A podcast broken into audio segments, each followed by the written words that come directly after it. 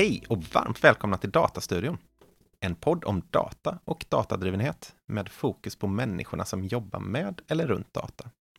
Vi vill tillsammans reda ut termer och begrepp, diskutera våra egna erfarenheter och teorier och på detta sätt hjälpa dig som lyssnar med konkreta tips och inspiration.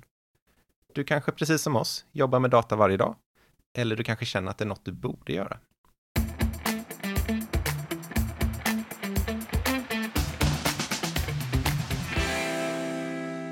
Avsnitt 2. Vem gör vad inom data? Helt enkelt, vilka roller har vi i data? Och det här var ju någonting som jag själv eh, blev ganska förvirrad över när jag då kastades in i det här. Skulle vara med och bygga ett team.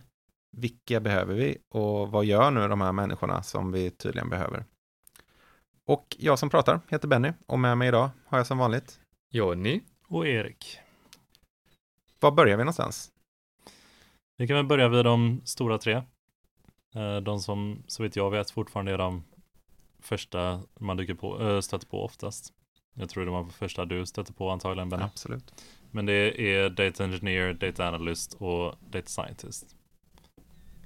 Jag tänker, vi kan väl börja med Data Engineer eftersom det är det vi titulerar oss själva som. Mm.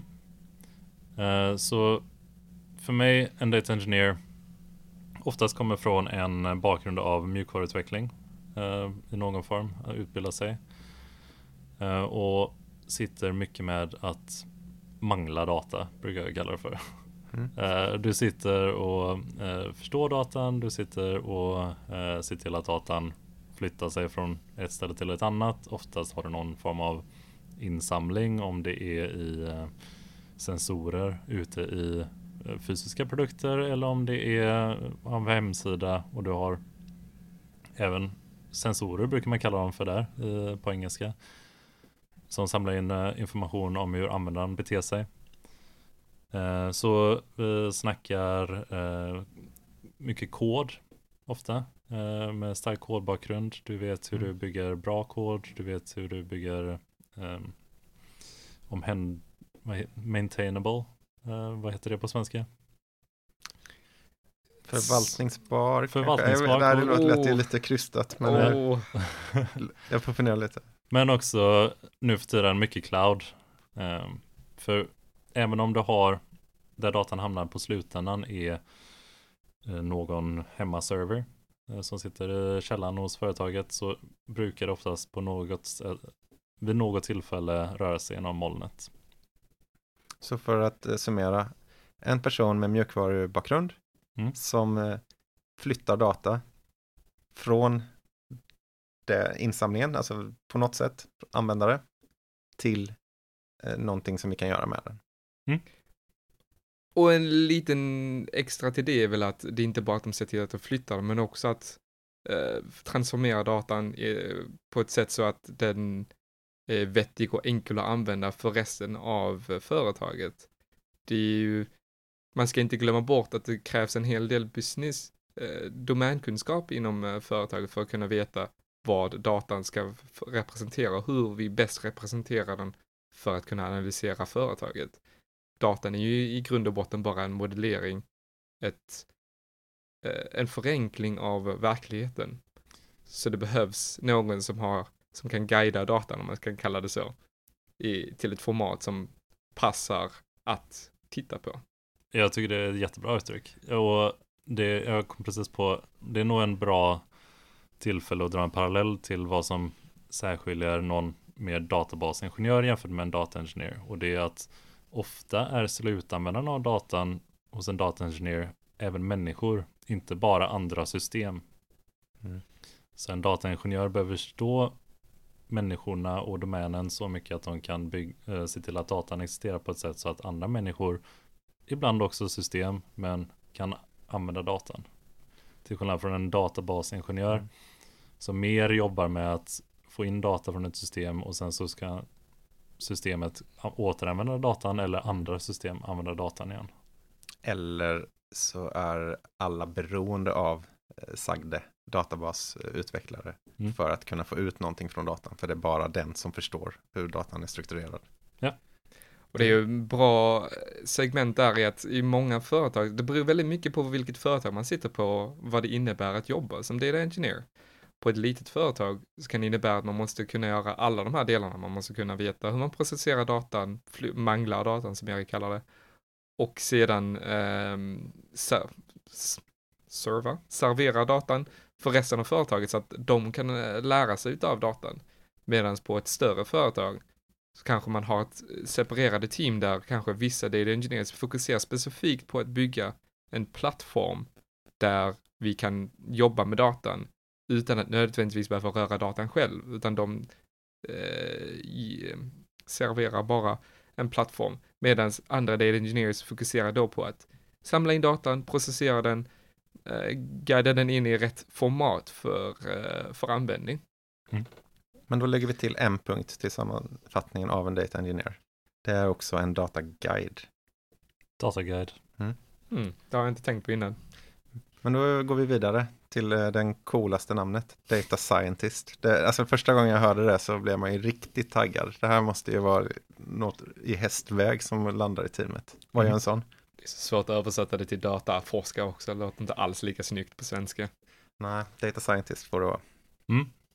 Eh, men största skillnad, om vi börjar snacka om skillnader här. Mm. För båda sysslar ju med data, det hör vi redan. Eh, men här, bakgrunden hos en data scientist är ofta mer åt eh, annat håll. Att de kommer mer från en värld av experiment eller analyser, eh, försöker förstå hur saker funkar. Därav namnet eh, scientist-biten. Så ofta kan det vara ekonomibakgrund eller en fysikbakgrund eller en eh, även biologi eller eh, sociala områden. Och eh, är van med att sitta och eh, analysera data utifrån ta reda på sanningen kan man ju kalla det för. Statistisk signifikans är inte riktigt samma sak som sanningen. Det är en Jag tror, jag tror vi glider in på ett nytt eh, poddavsnitt här. Ja. Så att, eh, vi, låt oss eh, skapa ut sanning och signifikans och sånt. Och så. Men när vi pratar om scientist då, om man ser framför sig klassiskt liksom provrör och eh, provglasögon, så heter det kanske inte, Ehm, och experiment, Mhm. Fast inom data, alltså, och det vill säga statistik, matte. Precis. Mm. Men även eh, kod fortfarande. Mm. Eh, så i många tillfällen finns det inte tillräckligt med verktyg för att göra alla de här sakerna. Så även när man samlar in fysiska experiment inom de här bakgrunderna så hamnar det ofta i kod eh, i slutändan när du sitter och bygger för att få fram resultaten av dina experiment. Men inte på samma nivå som data engineer skulle jag säga. Och bara för att förtydliga lite med det här med experiment, eh, så handlar det, det finns ju lite olika aspekter man kan se på experiment. Det finns ju eh, det här med att man analyserar datan för att se vilka insikter, vad, hur många användare har vi, eh, hur är det de använder våra applikationer eller vår service. Men sen finns det också experimenten som är att man bygger och tränar machine learning-modeller, jobbar med AI, Eh, för att därigenom bygga en ny produkt kanske inom företaget och skapa nya services. Så det är en viktig del, eh, viktig disti- distinktion mellan data engineers och data scientists. Att de eh, genererar, de kan också leda, de genererar oftast data på ett sätt som data engineering förvaltar bara data, guidar datan som redan finns, medan data scientisten genererar data och genererar eh, produkter.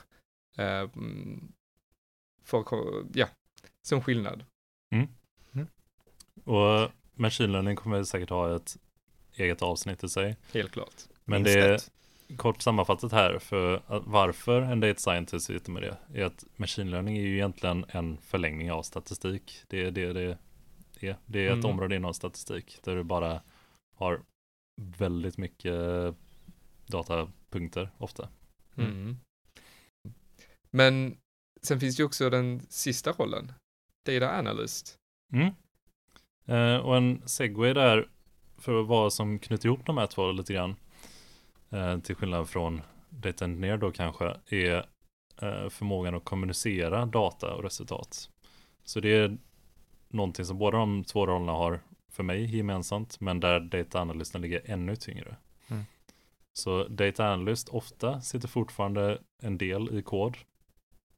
Men jag förväntar mig ofta också att de har någon form av erfarenhet i verktyg för att visualisera data. Eh, för att nämna några så finns det ju Power BI, Tableau, ClickSense. Um, inte nödvändigtvis att de är experter på verktygen. Det finns många personer som fokuserar på ett specifikt verktyg men att de har erfarenhet av hur man använder dem, eh, när de passar bra.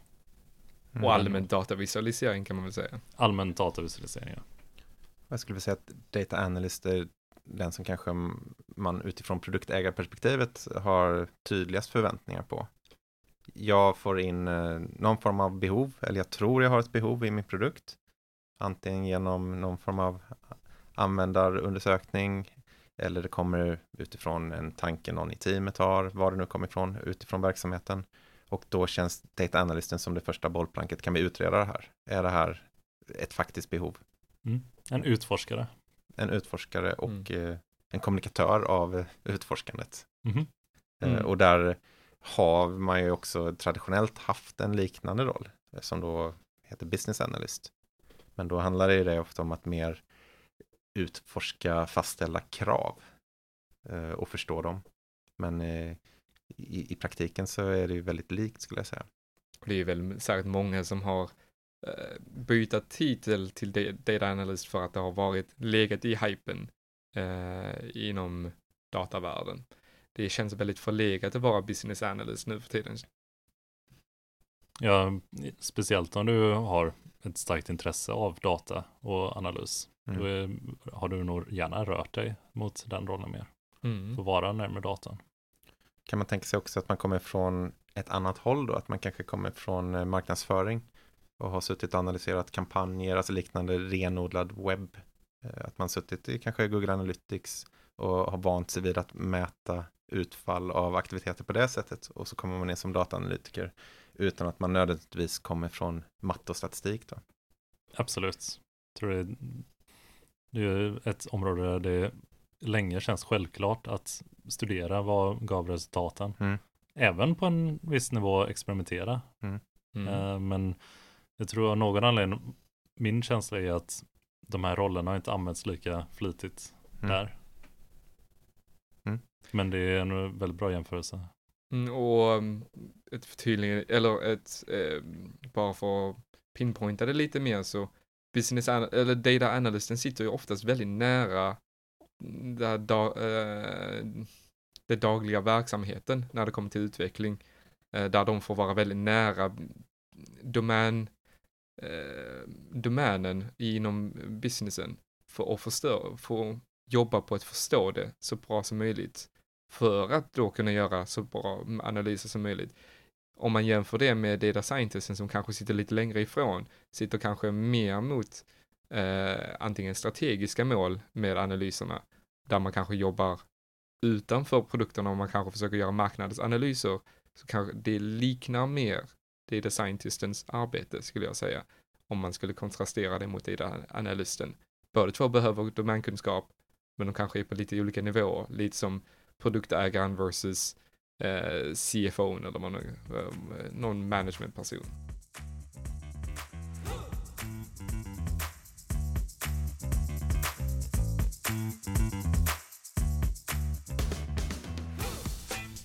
Om vi öppnar upp utanför de bas tre rollerna som vi snackat om nu. Data Engineer, Data Scientist och Data Analyst. Så den första som har just nu en av de störst uppsvingande platserna eh, som jag skulle vilja ta upp är Data Analytics Engineer. Känner du till den Johnny? Ja, jag har hört eh, den, den har ju kommit ut väldigt mycket nu på senare, de senaste kanske tre, fyra åren skulle jag kanske säga. Eh, som ett mellansteg mellan data Engineering och data scientisten.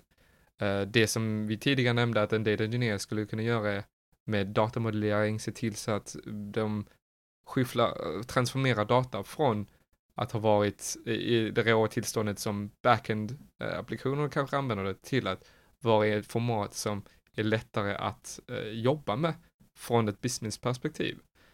Det är där de försöker, det är där man ofta sätter in data analytics engineering då. Ehm, och de får då fokuset på att lära sig de business-domänen så pass bra så att de- kan lätt översätta datan. Men de sitter inte då och jobbar lika mycket i eh, cloud, eh, eller kanske jobbar i ett cloudverktyg, men inte lika mycket och bygger cloud. Precis, de sitter inte lika mycket i infrastrukturen Mm. eh, att bygga en plattform för att kunna göra de här, utan de är väl oftast inte lika mycket eh, utvecklar bakgrunden, utan där är det mer kanske ännu en gång en business analyst som kommer in och blir analytics engineer. Det kommer ju fortfarande vara en del kod beroende på vilka verktyg man använder. Men det kommer inte vara den här mer, det tyngre teknologiska eh, verktygen man behöver sitta med. Hög förståelse av data, kombinera data, presentera data då, inte som en graf kanske, utan snarare som eh, en tabell. En tabell som sedan data scientist slash data analyst kan använda för att visualisera. Och ganska mycket kontakt då med användare av datan. Användare av data men också de som genererar datan och Mm. de som eh, bestämmer processerna i företaget. ML Engineer, och hoppa vidare. Ja, ML engineering. ehm, där är det ett, ännu en gång ett sätt, eller en rörelse att dra lite ansvar från de andra rollerna. Denna gången är det från data scientisten. Att de inte, de kanske kan specialisera sig på annat medan man kan dra ut machine learningen från deras arbete och eh, ha, en, ha en person som specialiserar sig specifikt på det. På, trä, kanske inte alltid träna, men i alla fall se till så att man har vet, man bygger upp infrastruktur för att sätta machine learning-modeller i produktion och sedan monitorera det. Ja. Eh, Och jag tänker att vi måste ju prata om machine learning vid senare avsnitt. Och om man inte har så bra koll på vad machine learning är just nu så är det inte så konstigt om man inte har så bra koll på vad en machine learning engineer gör heller. Nej. Men nu tänker jag att man sysslar med machine learning.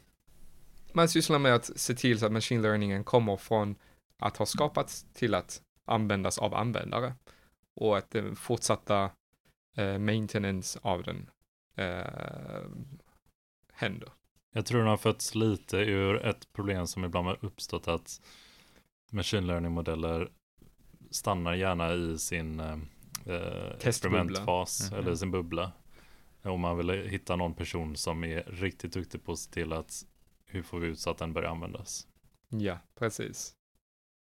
Och det kan man ju spekulera i lite då om vi tänker oss att data scientists är mer vetenskapsmän, experiment, akademiska. Och data engineers är mer praktiska. Mm. Det, gör, det låter ju rätt så vettigt. Eh, har vi fler? Jag tänker ju på en annan roll som ligger mig varmt om hjärtat. Data product owner. Mhm. Mm. Ehm, det låter ju eh, på namnet ganska mycket vad man gör, men eh, antingen då alltså dels att man kanske vill eh, elevera vad data är för en organisation. Många organisationer har rört sig till att vara produktorganisationer. Eh, och då vill man också se på data som en faktisk produkt, antingen internt, så att man ser på data som en produkt som brukas inom organisationen.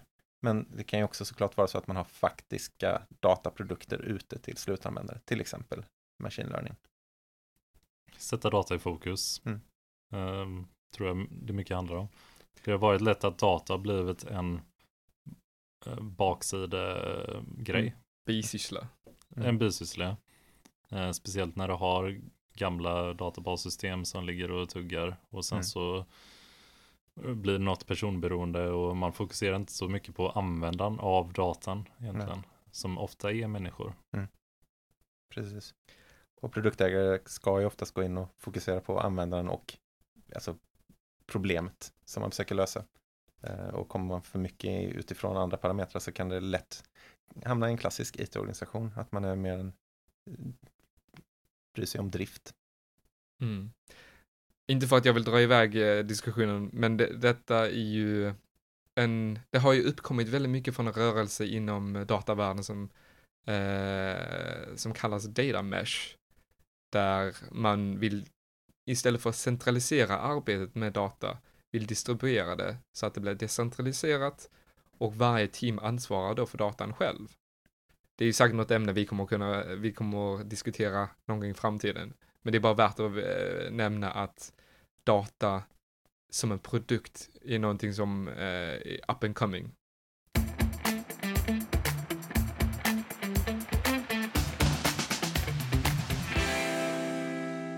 Men nu har jag hållit mig tillräckligt länge här känner jag.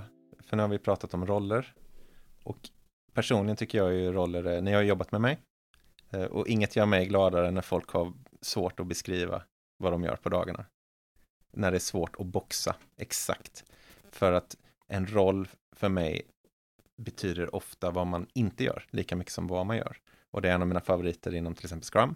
Att man är utvecklare. Jag tycker att ju mer mogen en domän är, desto mindre pratar man om väldigt, väldigt specifika roller. Jag tänker på vårt förra avsnitt när vi pratade om att vi, vissa vill inte kalla det datadrivenhet utan da- datainformerade beslut och det finns fler termer. Och för mig så kan jag ju tycka att en analytics engineer, att vi börjar bli väldigt, väldigt specifika. Hur kommer det sig? Ja, bra fråga. Jag skulle säga att, eh, nu ska man kanske inte vara alldeles för konspiratorisk av sig, men det har ju kommit, uppkommit, eh, om man tittar på en större kontext i världen där dataföretag, företag som erbjuder någon form av service inom data, har eh, skapat den här rollen, skapat det här behovet egentligen. De har övertalat folk att det här är ett behov. Ehm, till exempel företag som eh, DBT. Grunden är vettig med vad de håller på med, men de har skapat eh, vad jag skulle se som ett väldigt artificiellt behov av att alla måste veta, alla måste ha någon som transformerar data eh, och endast jobbar med det. För det leder till, problemet är att man skjuter, eh, man löser, eller man behandlar symptomen istället för att behandla grundorsaken, sjukdomen. Ja, I många företag så hade man tjänat på att inte ha um, analytics engineers utan istället jobbat med att modellera sin data bättre från början så att inte de behöver, så att man inte behöver ett mellanlager mellan data scientisten och eh, datagenererarna, om det så är backend-teamet eller om det är något annat team.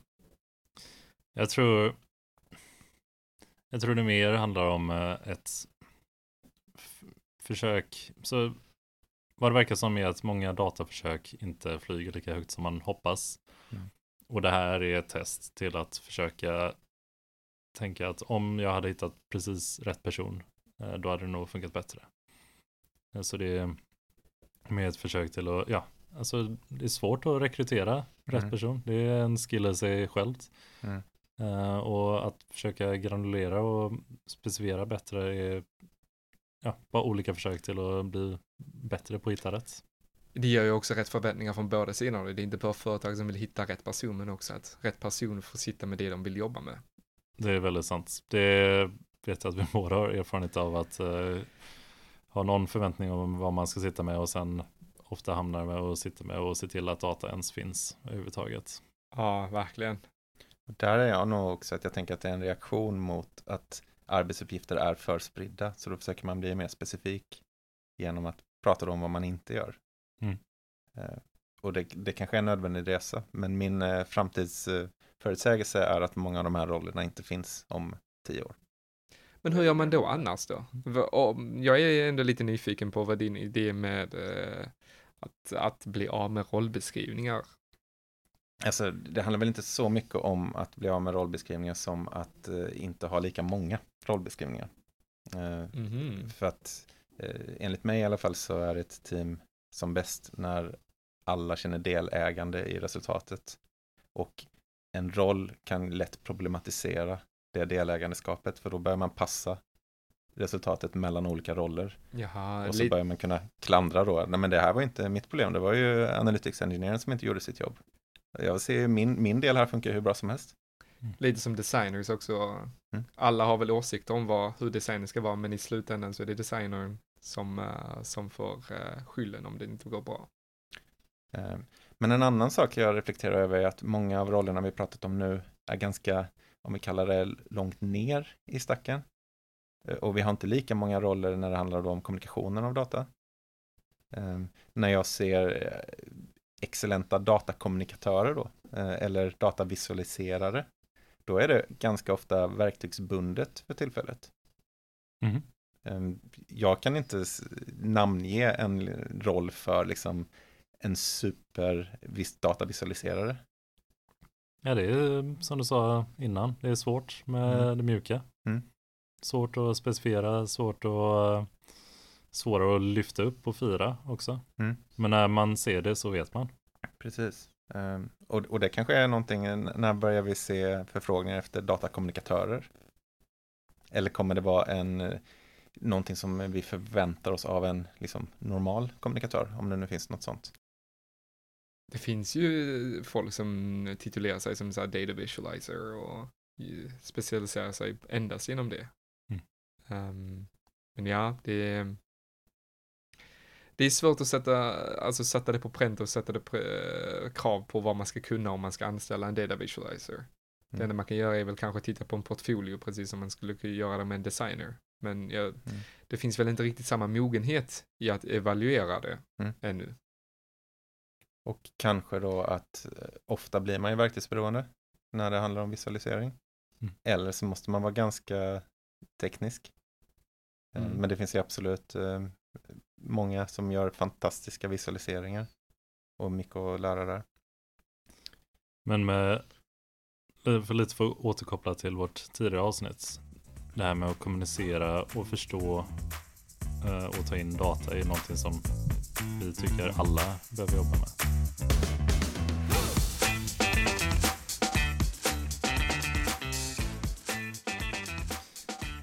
Um, ska vi ändra ämne lite grann och gå in på lite, ta tillbaka till dina rötter Benny. Precis. Du sitter och ska börja bygga upp ett nytt datateam Mm. eller få någon datakapabilitet på företaget överhuvudtaget. Ja, Var börjar man? Ja. Den som sa det kan vara det. Var börjar man? Um, nu vill inte vara så tråkig och säga det, det beror på, men nu sa jag det. Ja. Eh, men vi kan väl starta med lite, ofta så sitter det ju någon sorts databas i digitala produkter. Mm. Så den första frågan blir, används den redan till att analysera med på något sätt? Mm. Eller är den bara en systemdatabas? Om det är så att den används redan till en viss nivå och du bör börja jobba mer med datafrågor, kanske vi kan kalla det för, Mm. så skulle jag rekommendera någon form av dataanalytiker som är van med att förstå data, ställa datafrågor, bolla data och kommunicera data. Och nu sa vi då dataanalytiker, det vi, det vi har kallat data analyst. Då. Precis. Mm. Mm. Min erfarenhet från sån här är att det är sällan, särskilt på mindre företag, men jag förmodar också på större som inte har någon sån här data eh, kapabilitet eh, sen innan, är att den första man anställer får oftast ha många hattar på sig samtidigt. Det, även om titeln från början är data analyst eller data engineer, så är den första personen man anställer inom data oftast någon som får sitta med hela spektrumet av data.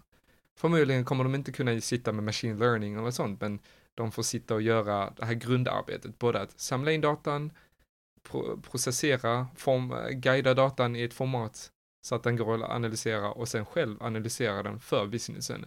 Och även sitta då direkt med, med eh, relevanta stakeholders för att definiera och, och skapa rätta förväntningar, expectation management kring det här arbetet. Så det, det, där skulle jag nog hellre rekommendera någon som eh, har mer av en kodbakgrund för att det kanske, det säger jag, menar jag på, sätter en bättre grund för framtida arbete inom data. Um, om man vill fortsätta bygga sitt datateam. datateam. Mhm. Men det som är liknande mellan våra två svar egentligen är att någon som har erfarenhet och kan ställa rätt frågor. Sen så om de kommer mer från analyshållet eller mer från engineerhållet, det beror lite på hur situationen ser ut. Men någon som kan smalna av lite grann. För någonting som vi har sett också är att det är väldigt lätt att smälla på stort inom data. Mm. Eh, Eller väldigt lätt att tänka machine learning eller AI som första steg. Ja. Men att ha någon som har lite mer erfarenhet som kan komma in och hjälpa till att smala av och eh, pinpointa. Och ställa rätt frågor egentligen från början. Eh, så att inte alla, allas datafrågor får samma prioritet, utan man måste alltid, den första datapersonen kommer förmodligen behöva vara väldigt hård i hur de prioriterar genom att ställa rätt frågor, genom att eh, förklara eh, arbetet bakom datan för resten av eh, företaget. Och inte vara rädd att eh, börja smått. Inte vara rädd för att börja smått och inte vara rädd för att utmana eh, förväntningar. Så inte vara rädd för att börja smått. Det kommer nog vara en röd tråd i många av våra samtal tror jag. eh, och eh, se till att personen som kommer in har någon form av erfarenhet. Låter rimligt. Eh, ställer rätt frågor. Och det är väl lite också vad man, alltså det är det som är kontexten då. Varför vill man överhuvudtaget satsa mer med data? Antagligen har man ju någon form av underliggande behov där Mhm. som kan guida en lite i vad det är man vill åstadkomma.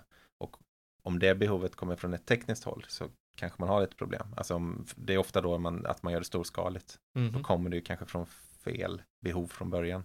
Ja. Vi vill ha en eh, bättre stor plattform för att samla in massa data. Men vi, sen har vi inte tänkt så mycket längre än så. Den typen av projekt eh, Mm. är ju ofta både storskaliga och kanske eh, ja, så- sådär framgångsrika. Och det är ju någonting som oftast säljs in till företagen. Om man eh, kollar på hur eh, branschen fungerar. Så det är ju ofta så att man blir insåld på att, ja men så länge ni har en self-service plattform där ni kan analysera data själva, ja men då kommer allting bli bra och därmed bygger man eh, den här enorma förväntningen om, eh, och förväntningen både från användaren men från, eh, men från på lösningen också, tekniskt sett eh, som sällan leder till någonting bra. Där vill jag då vara tydlig med att jag tycker det är bra med en self-service-plattform.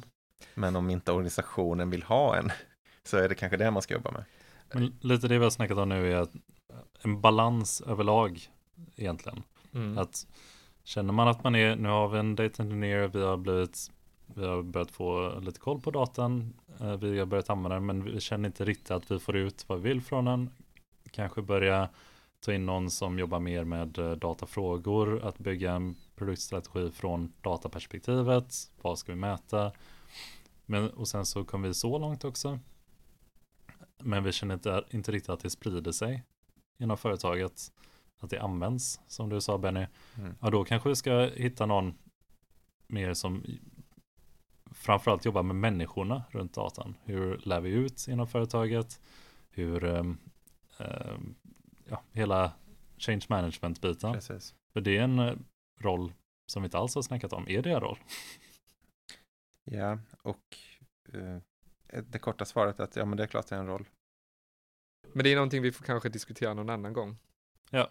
Men jag kan, min eh, poäng var tre områden ungefär. Så vi har databiten som är mer eh, att den finns. Vi har analysbiten och mätvärden och sen så har vi människobiten.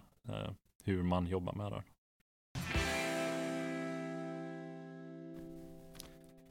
Men då så, för att summera lite.